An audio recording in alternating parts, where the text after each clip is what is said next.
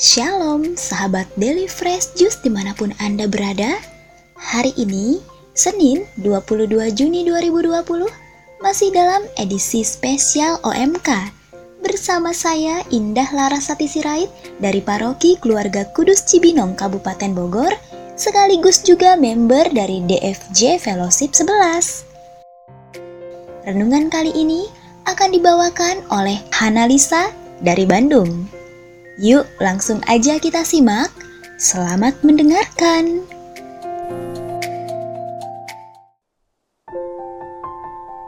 Hai sahabat Fresh Juice, akhirnya saya hadir kembali di pertengahan tahun ini. Di mana dari awal tahun 2020 kemarin, para pewarta OMK setiap bulannya diisi oleh suara-suara baru dan segar kami belajar untuk berbagi seputar permenungan Injil dari sudut pandang orang-orang muda. Semoga apa yang telah kami sampaikan bisa memberikan gambaran baru dan menyejukkan, khususnya bagi para orang tua terkasih, Bapak, Ibu, dan sahabat Fresh Juice sekalian. Pada kesempatan kali ini, kita akan merenungkan sabda Tuhan yang diambil dari Injil Matius bab 7 ayat 1 sampai dengan 5. Jangan kamu menghakimi supaya kamu tidak dihakimi. Karena dengan penghakiman yang kamu pakai untuk menghakimi, kamu akan dihakimi, dan ukuran yang kamu pakai untuk mengukur akan diukurkan kepadamu. Mengapakah engkau melihat selumbar di mata saudaramu, sedangkan balok di dalam matamu tidak engkau ketahui?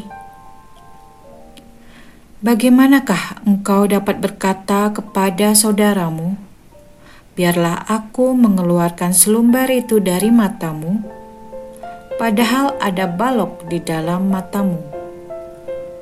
Hai orang munafik! Keluarkanlah dahulu balok dari matamu, maka engkau akan melihat dengan jelas untuk mengeluarkan selumbar itu dari mata saudaramu. Demikianlah sabda Tuhan. Terpujilah Kristus. Bacaan Injil hari ini merupakan salah satu dari serangkaian khotbah Yesus yang cukup terkenal, yaitu khotbah di bukit. Dalam khotbah ini, Yesus berkata-kata dengan durasi yang cukup panjang, yaitu tiga bab, dari Matius bab 5 sampai dengan bab 7. Khotbah di bukit ini berisi banyak kritikan yang kalau kita baca, tidak hanya ditujukan untuk bangsa pada zaman tersebut, tapi juga masih sangat cocok ditujukan kepada kita. Beberapa hal yang disampaikan Yesus adalah tentang hal kekhawatiran, mengumpulkan harta, cara berpuasa, berdoa, memberi sedekah, dan sebagainya, yang mana masih sangat relate dengan hidup saya dan Anda pada zaman ini. Nah, yang kali ini akan kita bahas adalah tentang menghakimi. Sahabat Fresh Juice terkasih, mari kita introspeksi sejenak. Sadar atau tidak, kita sering menggunakan dua sudut pandang yang berbeda ketika melihat sesuatu, baik yang terjadi pada orang lain maupun pada diri kita. Contoh, saat orang lain mengeluh, kita menilai orang tersebut dasar nggak bersyukur. Namun, ketika kita yang mengeluh, kita menganggapnya manusiawi. Duh, gue kan capek. Sebagai manusia, gue juga punya batas kesabaran. Saat orang lain marah, kita bilang emosional. Darah tinggi nih, dasar si mudah marah. Sedangkan ketika kita yang marah, kita bilang bahwa kita sedang mengajari. Loh, aku cuma mau kasih tahu mana yang benar kok. Saat orang lain sedang liburan atau traveling, kita bilang pamer. Wih, gile. Boros banget deh. Sedangkan kalau kita yang begitu, kita menyebutnya refreshing. Hilangin stres sebentar, boleh dong bro. Dan ini nih yang paling sering. Saat orang lain lagi ngerumpi, kita bilang, Uh, gosip terus.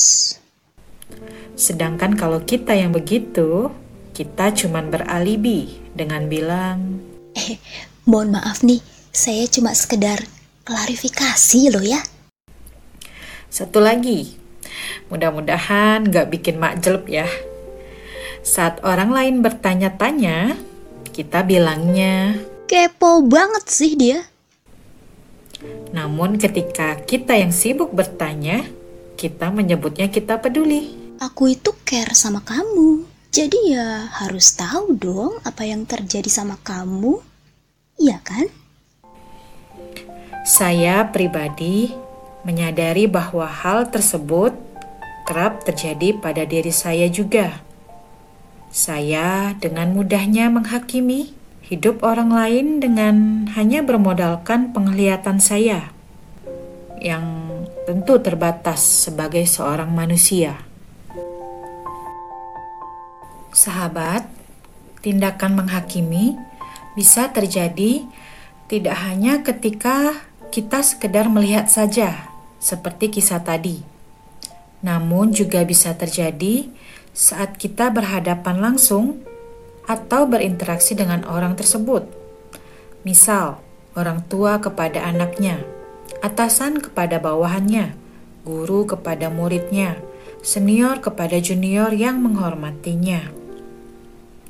Menghakimi dalam situasi tersebut hadir dalam kemasan yang sering disebut sebagai menasehati.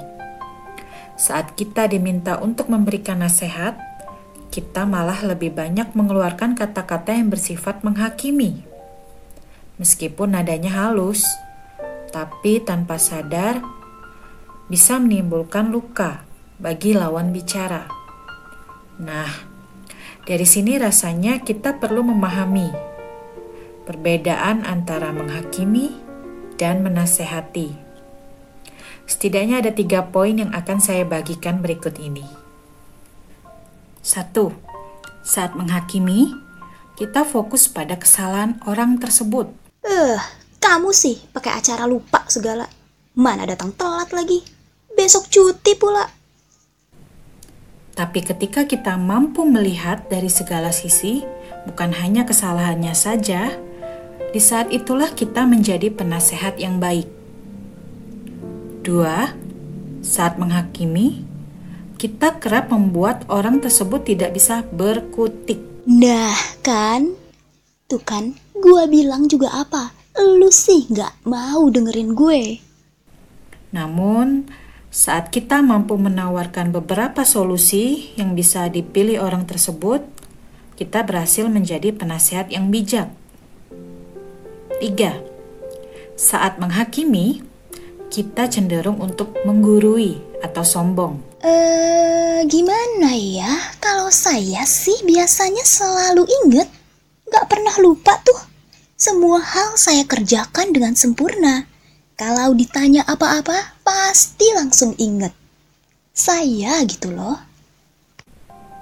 Padahal dengan cukup memberi sedikit kalimat penenang dan mengatakan bahwa kita akan selalu ada untuknya ketika ia membutuhkan saran atau petunjuk, maka orang tersebut pasti akan merasa lega dan kita bisa disebut sebagai penasehat yang benar-benar peduli.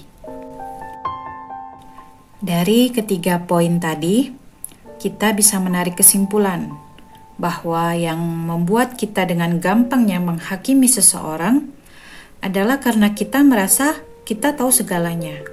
Padahal kita bukan Tuhan yang mampu melihat dari atas dan mengetahui apa yang terjadi pada kita dari sejak kita diciptakan. Kita tanpa sadar mengambil job desk Tuhan sebagai yang Maha Tahu. Hal tersebut membuat kita berpeluang untuk memblok berkat dari Tuhan bagi diri kita sendiri.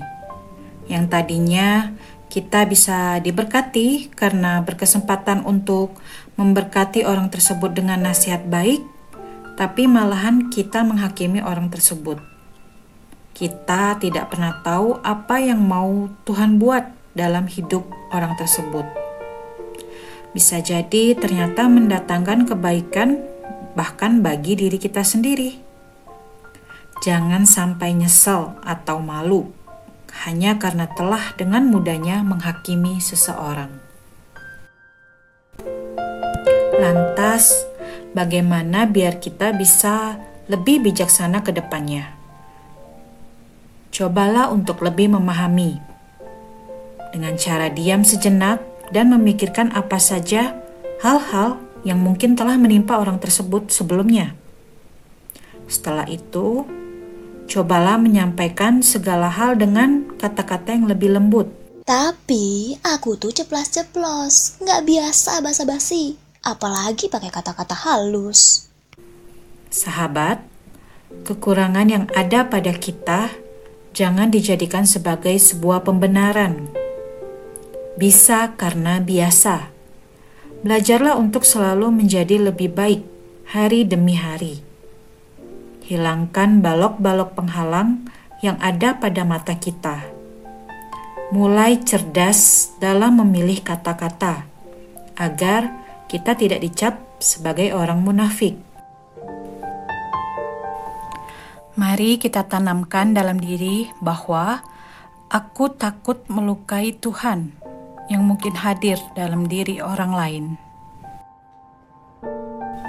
Semoga permenungan kita kali ini bisa kita ingat dan tanam dalam diri kita sebagai modal dalam berperilaku ke depannya.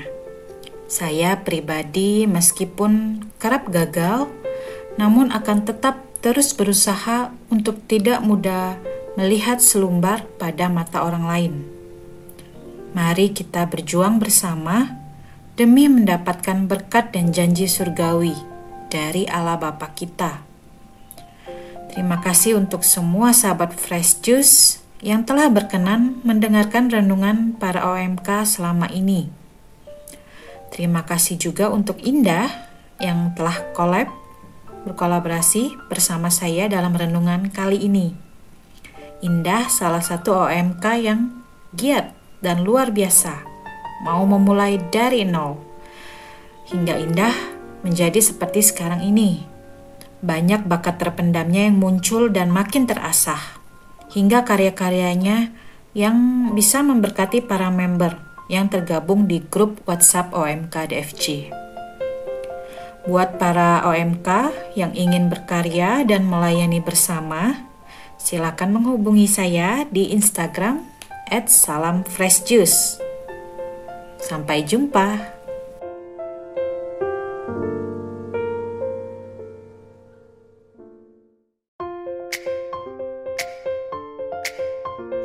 Terima kasih Cik Hanalisa untuk renungan beserta tipsnya hari ini. Terima kasih juga untuk sahabat Fresh Juice yang selalu setia mendengarkan Daily Fresh Juice. Nah, sekarang kita jadi tahu cara agar tidak terjebak lagi untuk menghakimi orang lain, apalagi di sosial media. Yuk, kita selalu berusaha untuk waspada. Saya Indah mohon pamit. Sampai jumpa.